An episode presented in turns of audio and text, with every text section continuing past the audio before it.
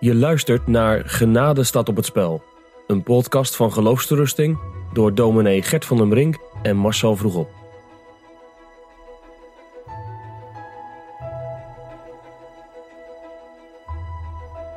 Gert, ik heb er even een Bijbel bij gepakt. En eigenlijk is het niet nodig, maar doe toch. Het meest bekende vers misschien wel uit de Bijbel wil ik je voorlezen. Johannes 3 vers 16. En die is zo bekend. Misschien kan ik ook uit mijn hoofd, maar ik doe het even voorlezen. Want zo lief heeft God de wereld gehad, dat hij zijn enige geboren zoon gegeven heeft, opdat een ieder die in hem gelooft niet verloren gaat, maar eeuwig leven heeft. Het is een prachtig eh, Bijbelvers natuurlijk, een prachtig Mhm, Bijbelgedeelte. Ehm, maar over dat woordje wereld, God heeft de wereld lief, daar is wel zoveel over eh, gediscussieerd volgens mij. Ehm, van ja, hoe leg je dat woordje wereld nou uit? Is het alle mensen? Is het, eh, is het alleen de uitverkorenen? Of is het nog weer anders? Dus ik wilde jou de, de stelling voorleggen. Jezus is voor alle mensen gestorven. Wat zou jij daarop zeggen? Ja, nou daar wordt dus vaak van gezegd, dan, dan ben je Arminiaans. Als Hm. je zegt wereld betekent in Johannes 3 vers 16 alle mensen. Eh, dus hè, dat moeten we afwijzen, het gaat over de uitverkorenen alleen. Nou, dat is weer zo'n voorbeeld wat dus niet klopt. Hè, eh, Waarom niet dan? Nou, je kunt niet zeggen dat als je wereld in Johannes 3 vers 16 uitlegt als alle mensen, dat je dan dus Arminiaans bent. Kijk, de Arminianen zeggen dat wel. Dat is een waarheid, maar niet iedereen die dat zegt is Arminiaans.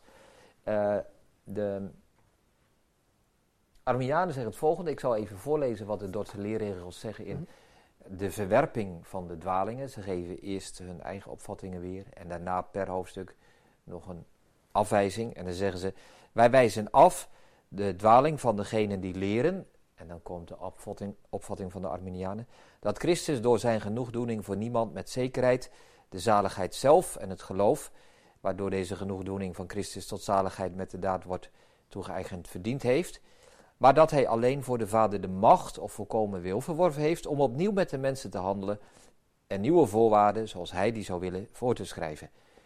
Met andere woorden, de Arminianen die zeggen, eh, God geeft alle mensen een nieuwe kans. Jezus is gestorven, alles wat er gebeurd is in, in je leven aan zonde, hè, dat, dat is weg, dat is over. Je krijgt een tweede kans. En die tweede kans bestaat er nu in dat je in Jezus moet geloven. Dat is de Arminiaanse opvatting. Dus dan is Jezus voor alle mensen gestorven en krijgen ze een tweede kans. Dat wijzen we af. Maar let op, er zijn ook veel gereformeerde theologen die eveneens zeggen dat Jezus voor alle mensen gestorven is. Niet zoals de Hmm. Arminianen, maar toch in een bepaalde zin voor alle mensen. Dus ja, dat kun je niet bij voorbaat ongereformeerd noemen. Sterker nog, op de Dordtse synode had je afgevaardigden uit Engeland en alle Engelse afgevaardigden zeiden, volgens onze overtuiging is Jezus voor alle mensen gestorven. De mensen uit Bremen, die ook afgevaardigd waren, zeiden hetzelfde. Luther, niet te vergeten, Luther zegt, de wereld in eh, Johannes 3 vers 16 zijn alle mensen. En nou ja, je weet hoe Luther was. Eh, Luther zei, pak jezelf maar eens bij je neus om te voelen of jij bij de wereld hoort. dus Jezus is voor jou gestorven.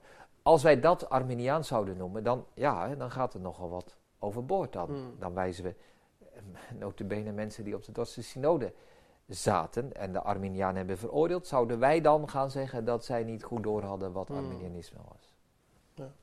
Maar, eh, oké, maar eh, dus je kunt niet zeggen eh, dat goed gereformeerd zijn betekent dat je tegen deze stelling bent. Jezus is voor alle mensen gestorven. Exact, nee, dat, kun je dus- niet zeggen.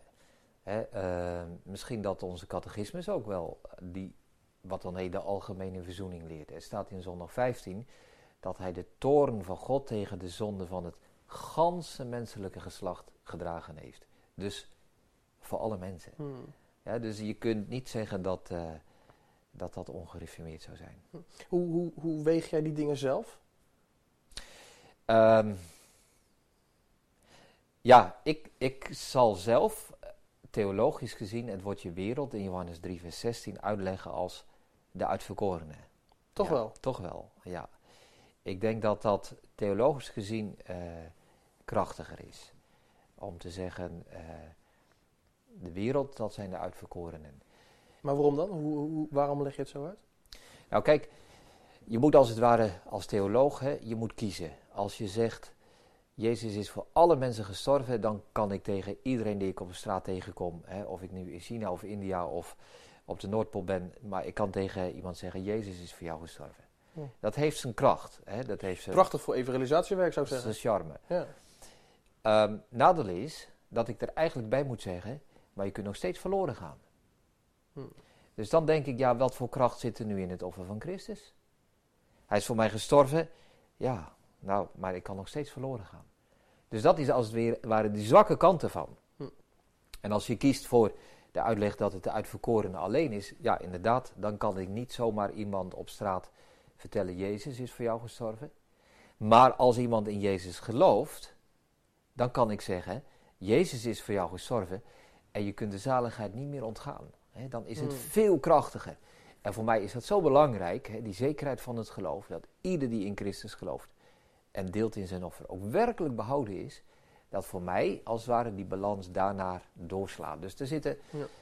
exegetische redenen achter, maar ook zeker pastorale redenen. Ja. Ehm, die opmerking, hè, de, de stelling, Jezus is voor alle mensen gestorven. Dat kan Arminiaans zijn, dat kan ook gewoon goed gereformeerd zijn. Ja, Dat gaf je aan. exact. Hoe, Ja. hoe, hoe, hoe kun je nou weten of iemand die het zegt Arminiaans denkt of gereformeerd denkt? Want uiteindelijk zegt die Hmm. opmerking op zichzelf dus nog helemaal niks. Nee, ja, nee. Weer zo'n voorbeeld. Hè, en we hebben aan het begin bij de inleiding gezien dat Arminianisme vijf Hm. opvattingen heeft. Hè. Remonstrantie had vijf opvattingen.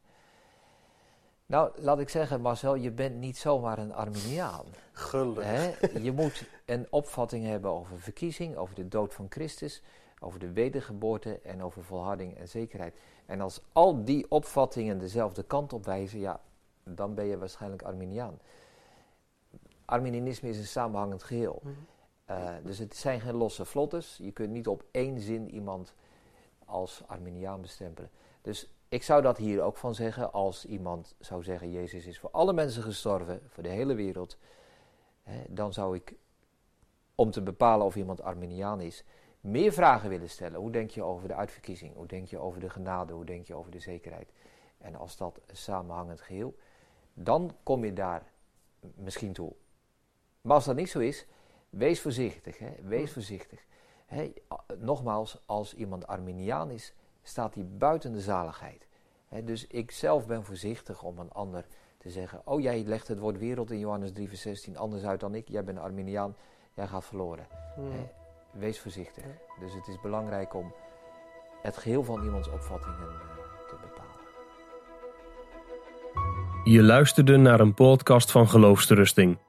Wil je meer luisteren, lezen of bekijken? Steun dan onze missie en ga naar de website geloofsterusting.nl.